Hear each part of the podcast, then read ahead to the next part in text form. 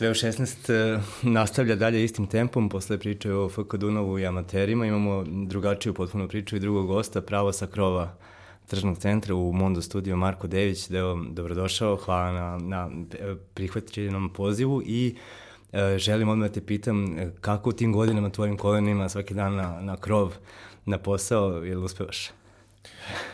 Ove, ovaj, dobar dan pre svega. Pa, ja nije naporno onako, navik, da, da, pa da nije, se penješ nije, svaki nije. dan? Kad nešto volite, kad ste u nešto zaljubljeni, nije ništa naporno i nije ništa teško. Čak i kad, e, kad je nešto, da kažem, osjetite neki, neku vlagu bol, to je nemerljivo sa, sa ljubavlju prema, prema, prema futbalu. 14 godina kasnije e, zateko si stadion 5-6 e, pratova više, o, ti si otišao iz Voždaca. Da li se sećaš e, kome si dao golove 2005. godine u dresu Voždaca? Joj, to sam nešto... Banatski dvor je, protiv Banatskog dvora kod kuće, to se sećam, to je prvi go. Mislim da, mislim da je radnički Obrenovac u gostima i mislim Bežanija kod kuće. Mo, mi, to, to, da li, da li je Bežaniji dva ili nešto, ali imam na VHS-u... VHS-u, da. Da, da, imam, imam, da, na VHS. Ili možda da pustiš sad tu kasetu? Ili to da se, pa, ja mislim, ne bih imao da pustim. Mislim, mislim da, da, da u nekom podrumu negde kod, kod, kod oca ovaj, da se nalazi i da, da smo, tad smo radili one snimke najboljih momenta, tad je bio Jeff, ja mislim. A, um, da, da, da, žuto-zeleni su bili. Tako, tako je, da, bravo, da, bravo, žuto-zeleni. Onda, I onda su bili DVD-evi, pa već ono kako je išao dalje. Tad je, tad je uglavnom se pravio taj neki snimak da se negde nekom pošalje, tipa pošalji disk da vidimo neke najbolje momente i tad su igrači, dosta igrači prodalo e, po tom principu, gde po, po, o, pošalju disk na kom su najbolji momenti. Sećam se da, da, da na tom disku imam te golove voždovce i baš ću ovih dana da odem da to izvučem. A, dobro, kakav je utisak bio prvi posle 14-15 godina, tvoj grad, rodni, rodni kraj i sve, došao si kao formiran čovjek, kao e, strelac jednog od najvažnijih golova u istoriji futbola, o tome ćemo posle, koji nije bio priznat. A, eto, kako, se, kako ti to izgledalo sve? Da se vratiš pa, i zateko si šta? Jedan veliki tržni centar i neki novi klub koji jeste, ima, nosi ime starog, ali drugačije radi. Pa dosta mi je, dosta mi je bilo neobično, kao da nisam bio pripremljen da, za taj povratak, ali obično je to tako nekako sve u životu.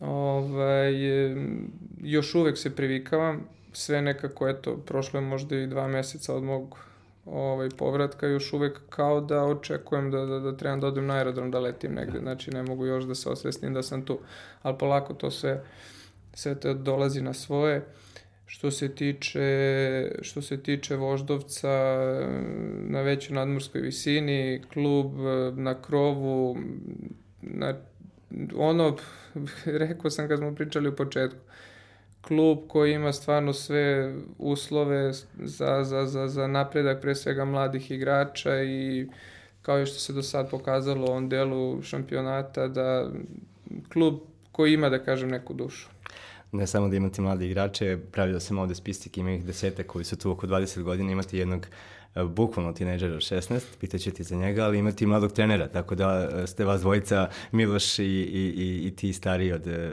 Kokovića. Kako izgleda to? Je li on uspeva da, je li ima problem sa vama starijima ili sa mlađima?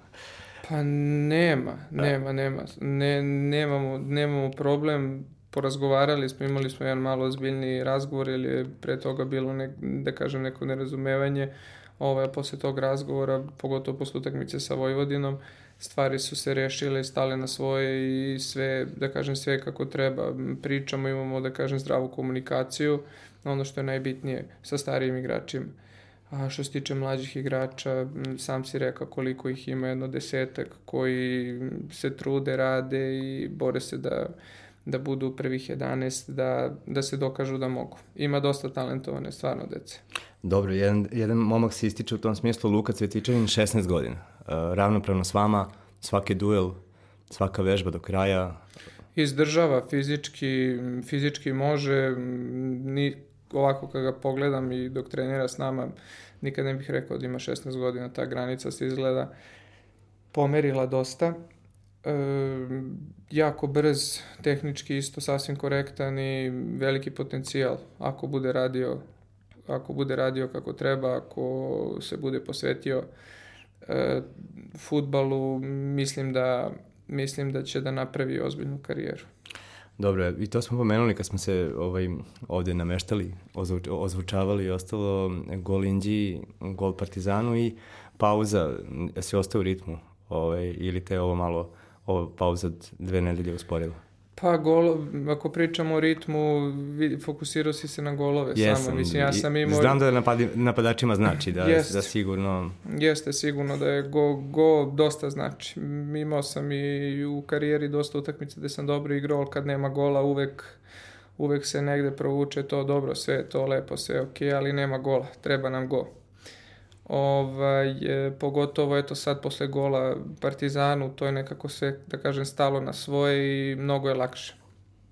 Ne smatram da smo ispali, to je ja lično da sam ispao iz ritma, pauza na vreme, pauza na vreme i idemo posle nove pobjede. Dobro, e, mnogi su e, tvoju nekako tihu proslavu gola u Hunskoj e, povezali sa, sa time da si partizanovac, jesi stvarno toliki partizanovac da ti nije bilo do, do radovanja ili, ili eto, ajde sad ovako iskreno da te pitam. Pa sad, partizanovac jesam, to, to, to da kažem nije, nije tajna, ali sad koliki sam partizanovac, to baš ne bi da, da, da, da ulazimo to, sigurno nisam ni najveći ni najmanji. Uh, Znači, eto, toliki partizanovac da, eto, možda u tom momentu nisam imao neku preteranu želju da, da, da slavim taj gol. Ali, da kažem, drago mi je naravno zbog voždovca, zbog posla koji radim, jer sam ja pre svega profesionalac. Dobro, pitaću ti još nešto, povrtak u srpski futbol. Kada si odlazio, igrao si za Zvezdaru, Železnik, eh, radnički iz Beograda i Voždovac, prav potencijalna legenda beogradskog futbola, onda si postao legenda ukrajinskog. Da li večiti umeju da gube? E, parti, e, Partizan i Zvezda, da li umeju da... li umeju da, da gube? Eto, recimo, mislim, posle pobede Voždovca u Kunskoj, to je pucalo sve. E, Savo čak rekao da možda nije ni moguće da budu šampioni. Zvezda izgubi derbi, idu saopštenja, ide svašta. Nekako, pa, dobro, kako ti deluje sa strane? Je, sa pa, strane deluje, kao neko mislim, ko... deluje mi sa strane. Eto, dobro pitanje si postavio, ne znam. Eto, ta, lično ta naša utakmica s Partizanom, ona dolazi posle utakmice gde Zvezda pobeđuje u 96. 7. minutu ovaj, u Kruševcu i gde je tamo bio penal, nije bio penal, bio slobodan udarac, nije bio i naravno sa tom sve energijom nekom, slobodno mogu da kažem, negativno, nekim nezadovoljstvom izlazi se na utakmicu s Voždovcem i svaka neka odluka je bilo, ba, baš je bilo napeto. Mogu da, da, da, da, da nekako do te mere da je u, u futbal bio u drugom planu. Da li oni ume da gube, da li umeju da gube, pa meni to sve deluje, sve mi to deluje kao da, da, da, da se sklanjaju stvari po tepih, u kom smislu, da, da se ne gledaju svoje greške, ne kažem da je lako, ne kažem da je sve, da je sve idealno, da je sve čisto, daleko od toga, sigurno da i Partizan ima svoje razloge zašto tako reaguje, nije to slučajno, Ovaj, ali bih ja više voleo da i jedni i drugi pričamo o večitima da se potrude da ispravljaju ovaj da ispravljaju svoje te neke lične greške i da se bore u neidealnim neidealnim uslovima. I nije slučajno to što je samo Milošević rekao da je, da je teško, zna on to zbog čega je, ali ne bih da to bude primarno, nego da igrači nastave da se bo, e, da, da, da, da, da treniraju, da rade i da probaju da daju svoj maksimum i tako će svi oni zajedno da napreduju. A, šta je ono što si ti pred sebe stavio kao lični cilj uh, u, u ovoj sezoni? Um, nisi mogu da očekuješ, da, da znaš šta te čeka u Srbiji posle toliko godina, iznenađen si bio i klubom i evo ovim stvarima koje si pričao, ali šta je nešto što si rekao, e, ovo ću pokušati da uradim ove godine? Pa ja, ja živim od treninga do treninga, od utakmice do utakmice sad u ovim godinama, u ovoj fazi u kojoj sam sad. Svaka, svaka utakmica, ja to kažem, je dar od Boga i uvek pred utakmicu se zahvalim Bogu što mi daje šansu još jednu da izađem i da, da nastupam na terenu, da radim ono što volim najviše. E, lični cilj, lični cilj neki što se tiče broja golova ili ne, ne, da budem zdrav i da svaku utakmicu odigram što više i što bolje ovaj, a neki timski cilj, nažalost smo ispali, imali smo tu nesreću da ispadnemo iz kupa, ostalo nam je prvenstvo da probamo da probamo da ostanemo u tom play, play-offu, da budemo u play-offu i da se u tom play-offu kotiramo što više. Evropa se pominje na provu? Pa, da ka, mislim, jel se pominje, ne, i u mislima jeste negde, ali, ali svesni smo da moramo mnogo još da radimo da bi, da bi, to, da bi to bio, da kažem, krajnji, krajnji cilj. Imamo grupu igrača koje to može, ali i imamo, ja smatram, ozbiljnu konkurenciju u tome. Dobro, a hajde da se vratimo na početak, opet je voždovac ti, ti golovi koji si se pokušao setiti. A, kako se desilo u tom trenutku da ti bez nekog velikog kluba i, i nastupa u nekom najvišem rangu, čak ni Zvezde ni Partizana, odeš u, u, u, u inostranstvo? Ka, ko je bio taj koji te ovako uhvatio za ruku i rekao, pa- Marko, pa, ajmo, ajmo u svet? Pa da kažem, ja bih se vratio pre svega na to kako sam došao tad u Voždovac. Kao momak sa Bulbudera, sa Zvezdare, talentovan koji je prošao mlađe kategorije Zvezdare, dobio sam e, kasnije poziv Železnika. Otišao u Železnik koji je tad bio među tri ekipe posle Zvezde Partizana i dobio sam stvarno šansu, ali ne mogu da kažem da sam iskoristio baš na najbolji način. Posle toga je usledila pozajmica rad, e, Radnički Novi Beograd, tada Jugopetrol, ja mislim. E, I tamo isto sam bio u, toj, u tom nekom pubertetskom dobu gde, gde nisam gledao sebe, krivio druge, kako to već ide i krenuli smo na pripreme na Palić, gde, gde sam ja krenuo sa, mislim, sa Radničkim tada. I sećam se tog momenta da je bilo 23 igrača i da se, da se igralo na treningu na dva gola, 11-11 i ja mislim da je Mile Tomić sad bio trener, da sam ja bio jedini igrač koji je trčao po krugu, a da su ostali igrali na dva gola i negde, negde više nisam bio ni viđen tamo. I onda u jednom momentu Velimir Ciga Đorđević koji mi je baš, baš dosta pomogao, koji me tada iz omladinaca Zvezdare povukao prvi tim, je bio trener Voždovca, tadašnjeg. I pozvao mi i rekao, e, jel bi, da, li bi ja, e, da li bi ja došao, e, Voždovac je bio druga liga. I ja sam s njim porazgovarao i on me ubedio da, da dođem i objasnio mi da, da mi je ovo poslednja šansa, da je krajnje vreme da se ozbiljim i to mi je bilo tad u najlepših, da kažem, šest meseci u Srbiji. Odigrao sam, eh, odigrao sam dobro, bio je, bili su menadžeri koji prate to eh, i vratio sam se u Železnik. Bio sam na pozemici. Krenuo sam na pripreme u Tursku sa futbolskim klubom Železnik i tada sam dobio poziv da odem na probu uh, ukrajinski volin. To je bilo sve u hotel do hotela. Odigrao dve prijateljske za njih. Oni, oni su rekli da, da su zadovoljni, da me hoće i dogovorili smo se. Tako da od tad kreće moja, da kažem, ta era po Ukrajini. Ajde, baš zato što je sad Voždovac nekad ide na televiziji i ljudi ga vide kao jedini sta, stadion u Europi sa, na krovu tržnog centra, da li možeš da posjetiš e, gledalce naše kako je izgledao stadion Voždovca kada si ti igrao, kako je to, ja, ja znam, ja sam s Voždovca pa ovaj, znam kako je izgledao, čak sam i gledao neke utakmice, ali eto čisto ovaj, slačionice, stadion, tribine, evo, nezavršeno, uh, uh, mislim da je, nije ni okrečeno bilo u to vreme. Pa nije, neko... ali imalo je, imalo je, svejedno imalo tu neku dušu, ne znam, ta ako je sad na krovu, tad je ono bilo, da kažem, u rupi. Da? U rupi, da. Što bi rekli, tad u rupi, sećam se tih slačionica, spuštali smo se dole kroz onaj mali tunel da odemo na teren. Teren, e, tribine pored, e, navijači su bili kod onog dalje gola s da. leve strane i mogu da se setim toga i sjajna grupa, sjajna grupa igrača, lep, lep dobar spoj e, mlađih i starijih igrača, dobar trener, ja ponavljam eto Ciga Đorđević koji, koji, koji njemu hvala puno, koji mi je tad baš baš pomogao, uspeo, uspeo da se da se da se spusti na neki moj nivo razmišljanja i da da da da da, da mi dopre do do, do, do, do mojih misli da me preusmeri pravilno. Eto, to, to je tih nekih gde sam ja spojio šest meseci da odigram kako treba i odmah osledila nagrada. Imao sam sreće da se ta nagrada odmah desi, da od, odlazak u inostranstvo. Zato i dan danas savjetujem te mlade igrače koji sede u prvoligaškim ekipama na, na klupi, ne dobijaju da. šansu, njima je najvažnije da igraju, a sve će ostalo doći. Dobro, i tako kao, ajde, ne mogu da kažem da si vjerojatno sve životne le lekcije naučio za tih šest meseci i jeste ti pomoglo, ali si se našao na drugom kraju Europe u istom, u daleko manjem gradu od Beograda, e, se probudio to jutro u Lucku, Luck ili jeste, Luck, da? Luck, jeste. Pa, I kako je to izgledalo? Pa iskreno, iskreno plako sam. Plako sam, e, plako sam. Pre, imao sam situaciju, na primjer, kad je pauza kad je pauza, dok sam igrao u Srbiji, kad je bila pauza letnja, stric je imao neki objekat na Adi, pa, je, pa sam tamo, da bi zaradio neki džeparac i to, prodavao sladolede.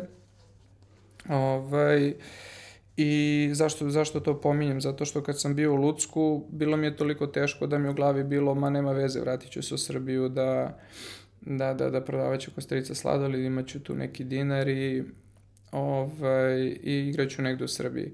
Zašto? Jer kad sam otišao tamo, um, bio sam sam, mlad, e, prvi put se susretao s nekim stvarima, jezik, e, ali imao sam, imao sam opet sreću da je dosta naših bilo tamo. Sa naših prostora, bio je Crnogorac, Bosanac, naš, bio je Trišović iz, iz Srbije i onda mi je nekako sa njima sve bilo lakše. Ali ali iskreno prvih jedno mesec, dva mi je bila samo jedna misao da se vratim za Beograd. Kad sam shvatio da ja moram da uđem sam, da radim neke stvari koje su do tad za mene drugi da. radili, da, da moram da, da, da, da, i to je ta neka faza sazrevanja, jačanja, jačanja, jačanja ljudskog karaktera i svega što mi je na kraju pomoglo. Šta je bilo prelomen trenutak? Te kad se danas osvrneš na Ukrajinu i sebe tada, šta je, šta je bio događaj koji ti je pomogao da uspeš kasnije i da igraš evropsko prvenstvo i Pa, definitivno moment da sam svestan da ako se vratim e, u Srbiju da nemam nikakvu perspektivu. Samo to, zašto? Zato što sam iz e, porodice koja je teško živela i nisam imao, nisam, e, iskreno da sam tad u tom momentu imao možda kod kuće neko koji bi mi rekao ajde vrati se, bit će sve ok i da, da ništa od toga ne bi napravio. Znači moment da ja, ja sam otišao u Srbiju, ja mislim da sam bio tak, otkriću malu tajnu, možda duže nekih 500-700 eura za, za auto koji sam bio tad uz. Naravno mi kao mlađi čim dobijemo prve pare ili prvu ratu ili nešto. Koji auto je? Mitsubishi Colt. Odmah je bio koji je trošio nenormalno, ali koji je trošio nenormalno, ali, ali nema veze, ono bitno je da, mislim ja vozim auto i to kako to sve ide ali dobro, super da se, i da se i prošla i ta faza, ali definitivno prelomni moment je bio da vraćanje u, u Beograd i u Srbiju meni ništa ne donosi. Samo to. I onda malo po malo? Ajde da I onda malo po malo, eto, period u Lucku od godinu i po dana, godinu, da kažem da, sezonu i po, gde mi poslednje kolo ispadamo iz lige, gde, isto, gde se isto spremam da se vratim za Beograd, međutim, trener čuveni Vitali Kvarcijani, ovaj, me pozvao u kancelariju i pitao da li bi otišao na probu u Metalist. I ja sam u Metalist e, otišao kao igrač na probu. Odigrao prijateljsku utakmicu, imao sreće, tu prijateljsku smo pobedili 1-0, dao sam go i to se tako namestilo, ostao tamo potpisao ugovor. E to je već druga priča. To je drugi klub. Pa to je druga priča. Mislim, druga priča. To je tad isto bio klub koji nikad nije bio među tri ekipe. Tad se pojavljuje i Milan Obradović je došao iz Lokomotive i iste, i, isti prelazni rok ja i on potpisujemo za, e, za, ne za metalist i od tad metalist do, do, kad sam, do kad smo mi bili tamo nikad nije bio ispod trećeg mesta. Svake sezone smo imali medalju i kraj predsednik se zainteresovano izgradnja stadiona, dovođenje stranaca, Evropa i onda je stvarno bila jedna, jedna ma najlepši deo karijere. Jel ti, kako izgleda poziv kad si javio tvojima da, da si dobio ugovor u metalistu i da, da ćeš ostati tu, da je sad to već nešto sasvim drugo u odnosu na ono što, što, su, što si bio kada si odlazio? Pa njima kao roditeljima, ko je tu još baka, stric, ovaj, je bilo samo da je, samo da je meni dobro. Mislim, oni, oni te neke sitnice, neke te ostale, da kažem, za njih manje važne stvari, bitno je samo bilo, što kaže baka, jesi jeo nešto i jel, jel, jel ti nije hladno. Ovaj, baka ko baka, sve da, sve isti. Da, ovaj, što je opet, opet i razumljivo, ali slični su uslovi bili, da kažem, i ludski i metalist, samo što samo što je Metalist bio klub koji imao veliki potencijal i na kraju je to iskoristio. Ajde pričaj na malo o tome. Te utakmice nismo mogli da gledamo u tom trenutku. Pročitaš nekad u žurnalu sportu dok je još postao sport da je Marko Dejić dao gol, ali malo ko od nas je mogo da zamisli kasnije, kada, kada usponom šahtjora i, i širenjem sportskih kanala smo dobili priliku i da, da gledamo to, ali onako, zanima me kako je to izgledalo u početku. Mislim, kako si se snalazio, s kim si igrao, šta su bili problemi s kojima si se susretao i tako, eto. Pa, problema, problema, mislim problemi, ako su to uopšte bili problemi. Ja prvu godinu, prvu godinu metalista mi smo zauzeli odmah treće mesto. Zauzeli smo treće mesto što je bio veliki uspeh za, za metalist i ja sam igrao poziciju veznog igrača. Levog veznog u 4-4-2 ili 4-3-3, zavisi koja je, koja formacija, svejedno sam igrao tog vingera, što kažu. E, sledeće sezone 2007. 8. na polusezoni se desio mm, ne na polusezoni, recimo neko 7. 8. kolo, naš napadač se povredio. I ja sam dobio šansu, nije bilo napadača, tad sam, znači, postavljen da igram uh mhm. -huh. e, špica, napadača i te sezone bio prvi strelac lige. To se, šta je interesantno još, E, te prve polusezone sam dao, 2007. 8. sam dao 7, 8, 7 golova i onda sledeće polusezone doveden je Brazilac Žaža, koji je trebao druge polusezone da počne da igra. Međutim, njemu sertifikat nije stigao. I sad kako njemu nije stigao sertifikat, on je pauzirao jednu, dve utakmice i za tu jednu, dve utakmice ja sam postigao tri gola, igro napadača i ostao do kraja na toj poziciji i to je, da kažem, bila neka uh, ta eksplozija da, da kad si, ne znam, prvi strelac lige, 19 golova i onda već kreću da se interesuju, da pišu, da pričaju, tako da... Stiglo i da nas. Da, tako da je to ono što je, što je promenilo možda sliku od, ne, od nekog, da kažem, proseka ka, ka vrhu. A u tom trenutku e, trebalo je da postaneš i postao si, pričamo o e, junu 2008. godine, e, drugi vlasnik ukrajinskog pasoša van prostora uh, SSSR-a. Prvi je momak, čini mi se, Mamadi Sangare, a ti si bio drugi. A, koliko sam uspeo u pripremi da, da, da nađem, nije to bilo bez um, buke tamo. Pretpostavljam da je bilo i onih koji su se pitali zbog čega, zašto, kao što bi bilo i ovde, verovatno, zašto je sad pored toliko igrača a, da igra neko sa strane, pa si osjećao taj, tu vrstu pritiska i da si dobrodošao u tom trenutku ili da nisi dobrodošao? Pa vi, više podršku nego pritisak. Um, debitovao sam Debitovao sam u Dnjepropetrovsku protiv e, Norveške, a Dnjepropetrovski metalist, to je tamo derbi recimo sličan Zvezdi i Partizanu, kao da, da sad igrač Partizana debituje na Marakani. Samo što su drugi gradovi. Ovaj, bilo je sigurno transparenta, ne, ne treba naturalizacija, imamo naše i to, ali uglavnom u samoj reprezentaciji od e, rukovodstva celog sam dobio stvarno maksimalnu podršku i nisam se osjećao ni u jednom momentu kao, kao stranac. Koliko ti je značilo to? Kako, mislim, kako izgleda nastupati za drugu zemlju? Da li je tvoj, a, tvoj angažman i tvoja srčanost e, uopšte mogla da bude manja u odnosu na, recimo, debi u reprezentaciji Srbije ili Jugoslavije, Srbije, Crne Gore, koji se nikad nije dogodio?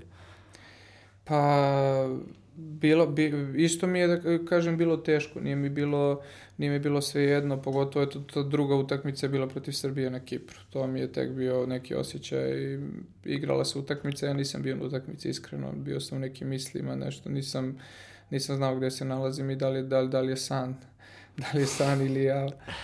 Ovaj, srčanost, pa svaku utakmicu koju sam igrao za Ukrajinu imao sam neki osjećaj da ja moram da dam više nego ostali. I uvek sam bio na maksimumu. Znači, da li sam dao gol, ne, to, to su već neke druge stvari, ali, ali sam uh, išao svaku utakmicu kao da mi je poslednja.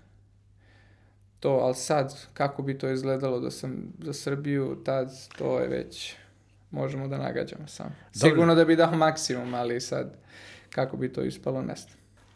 malo po malo, malo po malo i evropsko prvenstvo.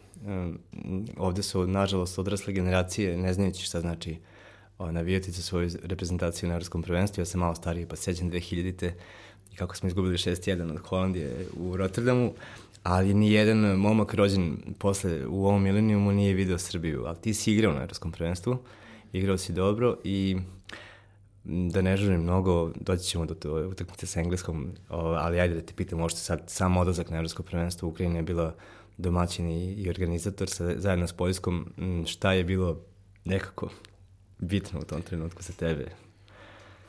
Srećan, srećan zato što u toj našoj profesiji u futbolu kad tako neki događaj nastupaš evropsko prvenstvo i svetsko, to je za mene vrh, da kažem, u, u našoj profesiji, da nekog dostignuća i presrećan, prezadovoljan što mogu da nastupam, znam kao mali da sam skupljao sličice, kad je Evropsko prvenstvo, da. ne Paninijeve albume i to sve, sad odjednom tvoja sličica se nalazi tamo. To su neke stvari koje su mene činile onako srećnim, ne znam, kao, kao malo, da kažem kao malo dete, a Evropsko je stvarno proteklo, proteklo, da kažem, domaćinski prez, mislim, ne znam, svi i sami ste možda gledali, svi su bili prezdovoljni kako je to sve, kako je to sve prošlo i kako je završeno.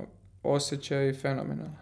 E, ne zameri mi što slučajno znam da si, da si u tom trenutku izvao dosta gostiju iz Srbije da dođe da gledaju. Jedan od tvojih bliskih prijatelja je moj uh, prijatelj Frizer. Uh, I uh, često smo se pominjali tebe i tvoje igre. Koliko ti je značilo da ljudi, eto, iz uh, tebi bliski s kojima si se možda ranije rastao u tom trenutku budu tu, da znaš da su na stadionu negde u nekoj od uh, loža i da te gledaju?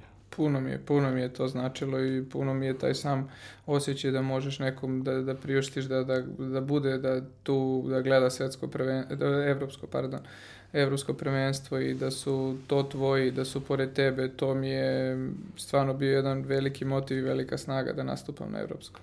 Izmerio si se tada sa stvarno najboljim igračima na svetu u tom trenutku, osvojili su ga Španci koji su odbranili titulu, što se nije desilo ne znam nije koliko, vezali um, evropsko, švedsko i evropsko.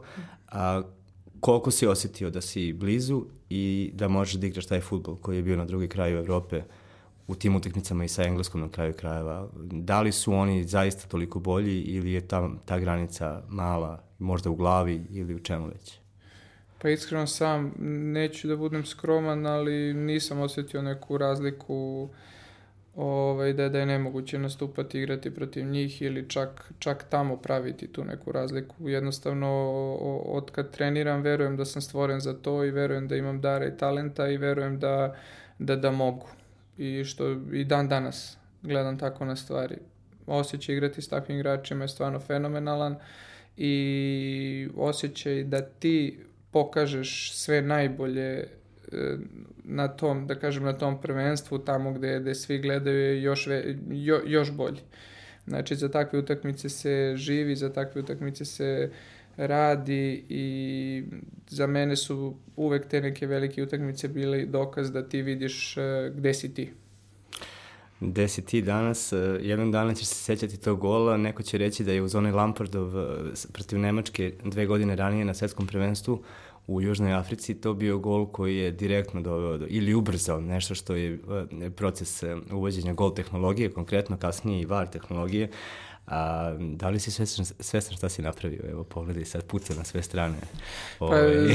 da, znam, znam, znam, znam da, da, da, da, da, mislim, pričaju stvarno i posle tog gola da, da, da spominjali su VAR sistem i, i da je to ubrzalo do donošenja odluke da se taj VAR sistem ovaj, uvede, ali iskreno volio bi, volio bi da, da, da je taj gol bio priznat više nego što je ta tehnologija uvedena. Zato smo posle toga imali još neki, ja mislim, 20 minuta imali šanse da, da, da prođemo grupu. Jel gol na, gol na evropskom prvenstvu i pa gol na evropskom? Ali možeš ajde da, da, da pokušaš da, e, da se fotografski setiš tih trenutaka, znači lopta, jesi znao da je gol u tom trenutku, jesi je video ili, pa, ili si bio... E, iskreno, iskreno nisam mogu iz, ja s moje pozicije da vidim, ali onako mi je delovalo, mislim, ja obično i kad lopta uđi i, i ne znam da li ja odmah širim ruke, tipa radujem se na neki način, da kažem, neki mini pritisak na, na sudiju i na, na ljude koji donose odluku, ako je to uopšte za njih pritisak, on, nisam mogao da vidim, ali mi je nekako više delovalo da nego ne. Osjećam se sigurno cele akcije sjajnog pasa Milevskog i opet, opet nekako krećem od sebe. Možda sam bolje ja mogao to da, da, da, da, da, da šutnem, da ne dođe do toga. Dobri dani posle toga? E, mislim, nekako je, je bilo obavijeno nekom gorčinom u Ukrajini i nezadovoljstvom ili, ili je taj poraz prihvaćen kao, eto, dobro, učestvovali smo, dobro je ovo bilo, dobro je prošlo.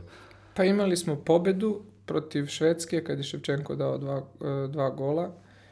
Ove, dobro krenuli, dobro otvorili i onda nas je Francuska, da kažem, stavila na mesto i posle ta utakmica sa Engleskom sigurno se pričalo dosta o tom golu i da bi taj gol stvarno promenio dosta stvari. Bi, misli, on je bio u prvom planu, ti razgovori oko nepriznatog gola. Pa i dan danas se pominje. I dan danas? Da. Dobro, tebe je to odvelo u redove najvećeg metalistovog rivala i u tom trenutku e, najuspešniji, najdominantniji klub u Ukrajini i ja bih stvarno volio da nam ispričaš kako izgleda igrati, igrati za Šahtjer u Donjecku. Ispravio bi te, samo nije metalistov najveći rival je Dnjepr. Izvinjam Da, se. ne, ne, to su ne neke stvari. da. Pomenuo si bio da, da je odnos kao da, Da. da, da je Zvezda Partizan, pa sam se na, da, to znači, nadovezao. ali- to je najveći rival, a tad u tom momentu Šahtjor je Šahtjor je bio, da kažem, u usponu i u tom momentu i veći od kijevskog Dinama. Tad. Imao je, ja sam potpisao pre početka evropskog prvenstva za Šahtjor. E, oni su već obezbedili direktan plasman u Ligu šampiona. Isto osjećaj fenomenalan dokaz da se u Metalistu radilo kako treba, reprezentacija, stvarno klub koji mi je dosta, dosta dao i niko mi nije ni pravio problem oko prelaska u Šahtjor. Zaradio je mentalist. Pa jest, jeste, sigurno imao sam otkupnu klauzulu i, ovaj, i koju je Šahtjor e, aktivirao i platio i to je to.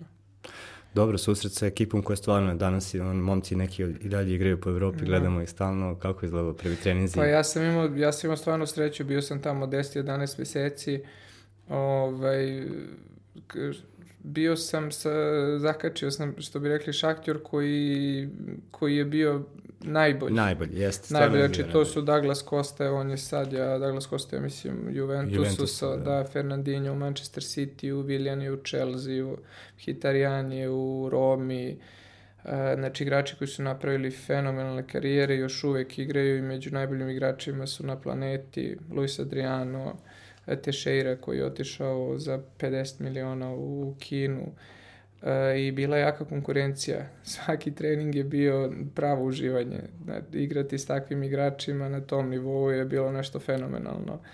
E, predsjednik, e, predsjednik koji je klub... Ka, kakav je on tip? Ovako, mislim, jel se pojavljuje, jel ga viđate? ili on sad kao Pa, je- negde? ni- Tip, tip, sve što treba za igrača, znači tu nije bilo pitanja. Igrač, ig- igraču u Šahtjoru, iskreno mogu da kažem i u Metalistu da je bilo tako. Nije falilo ništa. On se pojavljivao, obično, ni- nije on nikad držao sastanke, nije se mešao u trenerski posao. E, pojavljivao se dan pred utakmicu Lige šampiona, pruži ruku igračima, poželi sreću i ode i to je to. Uvek je za dobre uspehe nagrađivao i više nego što je bilo potrebno i to je to. Uslovi idealni, jedan da kažem pravi gospodin. Zašto je Dario Srna legenda Šahtira? Pa zato što, zato što je osvojio nenormalan broj pehara, bio kapiten dugi niz godina i što je fenomenalan igrač, fenomenalna osoba koja mi isto dosta pomogla u adaptaciji pri dolasku u Šahtjor. E, po meni ključna figura Šahtjora, ne, ne pamtim, to je, to je neki period od 10 godina, ako ne i više ako ne i više, da je on figurirao kao, kao, kao glavna, glavna persona, kao kapiten ekipe. I dosta je osvojio i pehara i dosta utakmica Lige šampiona, golova važnih, lider pravi. Pitat ću te nešto sad što je moj utisak bio i zanimalo me da li je zaista tako. To sam osjetio na svetskom prvenstvu u Rusiji.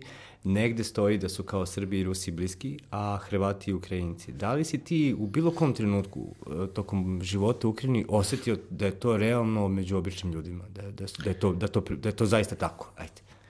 Pa to je, to je, to, to već ulazimo u političku sferu. Dobro, ali to je meni te, već, da, mislim, što se tiče, bio sam i u Rusiji, mislim, bio sam i u Rusiji, znali su da sam iz Srbije i ovaj, s- ima među Rusima tog, e, da kažem, pozitivnog, pozitivne energije srpsko-ruske, da, a što se tiče Ukrajine, što se tiče Ukrajine nikad nije bilo, dok sam ja bio tamo, da nešto volimo, ne volimo Srbiju, bliži smo s Hrvatima, samo bi mogu da potvrdim to između Srba i Rusa, da je taj odnos, gde god sam bio tamo, bio sam u Rostovu i u Kazanju i svako neko pominjanje srpsko-ruskih odnosa je bilo pozitivno. Ali da su Hrvati bliži Ukrajincima, to možda posle nekih ovih događaja sad kad je mislim da je bilo sad svetsko prvenstvo kad je Rusija igrala sa Hrvatskom, da. tako i kad su Hrvati prošli dalje, tako pa pa opet se vraćamo na politiku gde tipa, tipa bravo, pomogli ste nam. Ne bi, da, ne bi da spominjem te stvari, to su stvari stvarno... Dobro, zanimalo me ovako da, da se ti kao čovjek iz Srbije osetio nekad bilo kakvu vrstu netrpeljivosti u Ukrajini iz nekog razloga, pretpostavljam da ne kao reprezentativac. Ne, nije, nije, nije, da, nije to, ne, nije to ni toliko koliko serviraju mediji, nije to toliko ni u narodu, baš, baš tako. Dobro, i onda negde posle tog drugog dela u Metalistu, Uh, došao deo karijere u kojoj si menjao klubove mnogo češće nego u prvom, uh, otišao u nekoliko zemalja, da li je to bila potraga za nekim novim tobom ili nekom novim klubom gde ćeš, gde ćeš se osetiti kod kuće ili kako uopšte komentarišeš i Azerbejdžan i Lichtenstein, dva puta Rusiju, sve je bilo relativno, uh, čak i Katar u relativno, yes. u relativno malom periodu, kratkom periodu. Pa jeste, iz Šahtjora sam imao otvoren poziv, pro, e, bivši predsjednik je prodao Metalis, pojavio se novi i, i koji je isto želeo da mene vrati, Znači, dobio sam, dobio sam da kažem iste, iste, iste uslove i nije mi pravio ni šahtjor problem. Rekao je, ako hoćeš možda ostaneš, ako ne, ali meni je bilo bitno da igram. Uh, Ja sam se vratio u Metalis, taj drugi, drugi deo i odigrao, to mi je najbolji period u karijeri. Odigran je na nekih 17 utakmica, 15 golova i uzeli smo drugo mesto i istorijski uspeh Metalista i drago mi je što taj baš istori, istorijski uspeh, to drugo mesto je e, bilo dok sam ja bio tamo. Mm, posle, pardon, posle tog e, desio se rat. Da. Desio se rat u Ukrajini, metalist e, počinje da, da, da, da, da, da, da bledi, da ne bude one što je bio nas, e, diskvalifikuju. Bili smo na koraku ulaska u Ligu šampiona, odigrali smo s Paokom dvomeč, pobedili i trebali smo da igramo sa Šalkijom i e, to je bilo, znači, dvomeč gde je pred ulazak u grupu. Što Metalist nije dočekao, i stigo je dopis iz UEFA da smo kažnjeni zbog nekog nameštanja od pre pet godina. To opet mislim da je neka politička igra ovaj, da je politička igra i da Metalis nije dočekao da igra grupnu fazu Lige šampiona, iako imao tim i sve uslove za to. Posle toga stranci polako odlaze.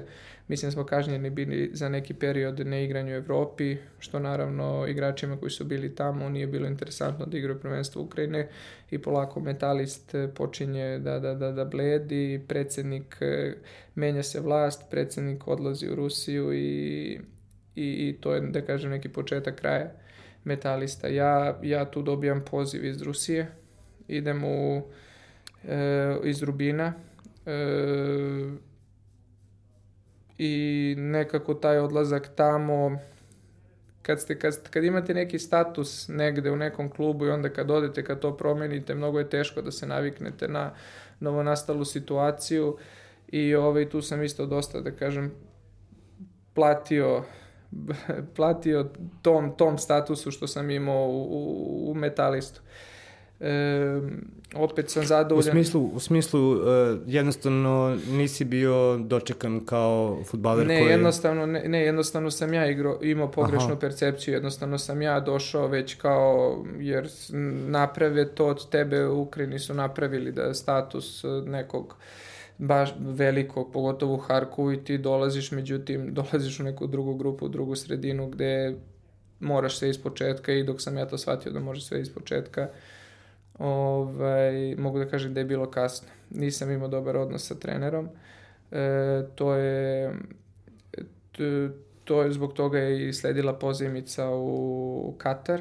Četiri meseca sam bio tamo, međutim, kad sam se vratio, iz Dohe, trener je smenjen, pomoćnik koji je ostao tamo dao mi je šansu i opet sam imao u Rubinu jedan lep period gde su bili golovi Spartak u Zenitu i Liverpoolu na Anfieldu u Ligi Evrope, što mi je možda i najlepši gol u karijeri. Ovaj, opet su bili neki momenti, da kažem, za pamćenje. Određen do kraja ugovor sa Rubinom i odlazak u Rostov. U Rostovu samo šest nastupa, jednu utakmicu počeo i sad se vraćam na, na ove klubove što si nabrojio, Vaduc, Sabah i evo sad Voždovac. To nije bila potraga za, za mnom. To je bilo jednostavno potraga za minutažu. Uh -huh. E, što se tiče finansijskog dela, to mi nije bilo primarno. Vaduc, stad drugoligaš švajcarske, hteli su da u e, prvu ligu. Teo sam da odem da vidim Evropa, dosta istoka, malo taj zapadni deo, neko iskustvo, malo jezik i minutaža koju sam dobio da, da kažem da igram futbol. I to je to. Ista situacija slična i sa Azerbejdžanom, godina e, Vaduca, godina Sabaha, jedno lepo iskustvo, nešto što, kako da kažem, ne želim što sam bio tamo. Video sam i kakva je situacija tamo, igro, ostavio sasvim korektan utisak i situacija sa Voždovcem isto je bila, iskreno ću reći, da li, da li, da, li da završavam ili da igram još. Međutim, eto, dobro, donio sam odluku na žao navijača Partizana da trebam da igram i i, i, i da postigao, postigao ovaj pogodak koji će se isto, da kažem, na, u neku ruku pamtiti. Dobro, da li je tačno da si u jednom trenutku bio blizu povratka u Srbiju, ali u Partizan? Ne mogu tačno setim koje yes, godine. Jeste, da je bilo, bilo, ja mislim da je Partizan igrao tad dvomeč Bate Borisov, tako nešto bilo i da se, da, da, da se čekalo da li će da uđe u Ligu šampiona ili ne. Tad je bilo, da kažem, blizu, ali nikad nije do finalizacije došlo. Dobro, evo ti ponovno u Beogradu. Kako ti djeluje Beograd posle 15 godina? Osim što je uglavnom zatvoren i zaključen, ali ovako. Pa dobro, da. da se promenio neko, neko... ljudi, ljudi pre svega, ajde sad da ne kažem... Pa ljudi, ljudi, treba biti realan, ljudi, ljudi teško žive, nije laka situacija ovde. Pretvorio se malo, da kažem, u neko gradilište, takav je to osjećaj imam da se, da se non stop gradi što se tiče ljudi, naravno te drage osobe koje su bile i ostale s njima se viđam, družim, ne, kako bi jednom reči opisao, ne, ne mogu da, sigurno nije bolji nego što je bio. Eto, to, to ću reći da. i, sa, i sa ljudske strane, i sa estetske, i sa, i sa svih tih stvari, nemam osjećaj da je bolji. Jesi bio na Adi? E, na Adi prošao pored.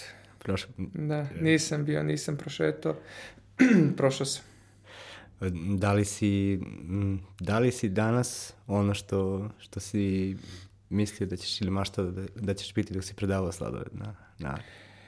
Pa, nadao sam se naravno da ću da napravim nešto, da ću da odigram nešto, da ću da ostavim negde neki trag, ali sad kad se podvuče crta, e, u početku mi je bilo naravno da, da kao neko ko je teško živeo da zaradim neki dinar, da mogu da se obezbedim, da mogu da, da budem nezavistan, da, ali opet s druge strane kad se podvuče crta nisu, nije novac taj koji je primaran u životu, postoje neki momenti koji tebe oslikavaju da, koje tebe, neke stvari koje si napravio, neko to delo koje si uspeo nešto da napraviš, čime se ja jako ponosim i zahvalan sam Bogu na svemu tome, ove stvarno nemaju cenu.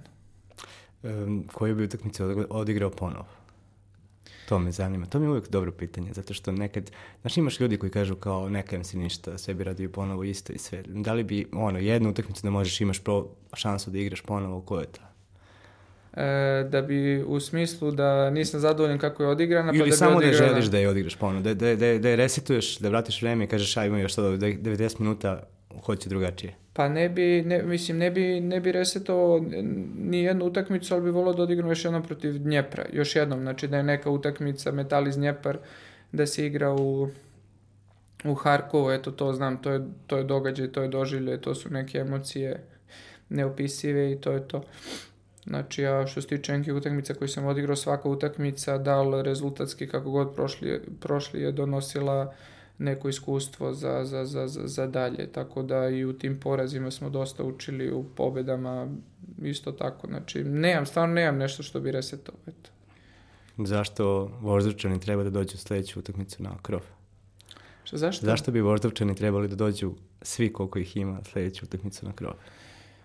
Pa da, da, da, da, da, da podrže ekipu, eto možda posle tih dobri, niza dobrih rezultata, e, pogotovo protiv eto Vojvodina u gostima i Partizana, da dođu da, da, da, da podrže, zato što imamo jednu sjajnu grupu igrača i da dođu da vide kako ćemo da se, da se ispravimo od e, poraza protiv teleoptika u kupu.